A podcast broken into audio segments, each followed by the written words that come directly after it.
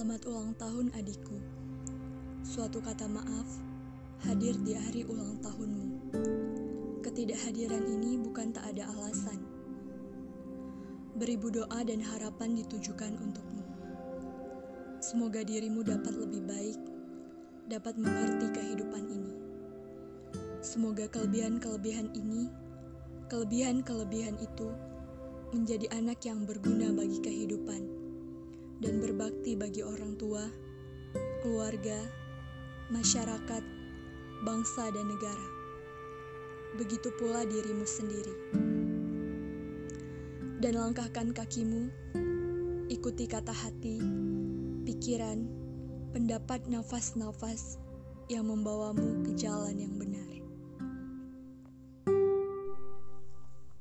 Terkatakanlah oleh bibir sebuah kata, tertuliskan oleh tangan sebuah kalimat yang akan terukir di hati yang menjadi kenangan nanti.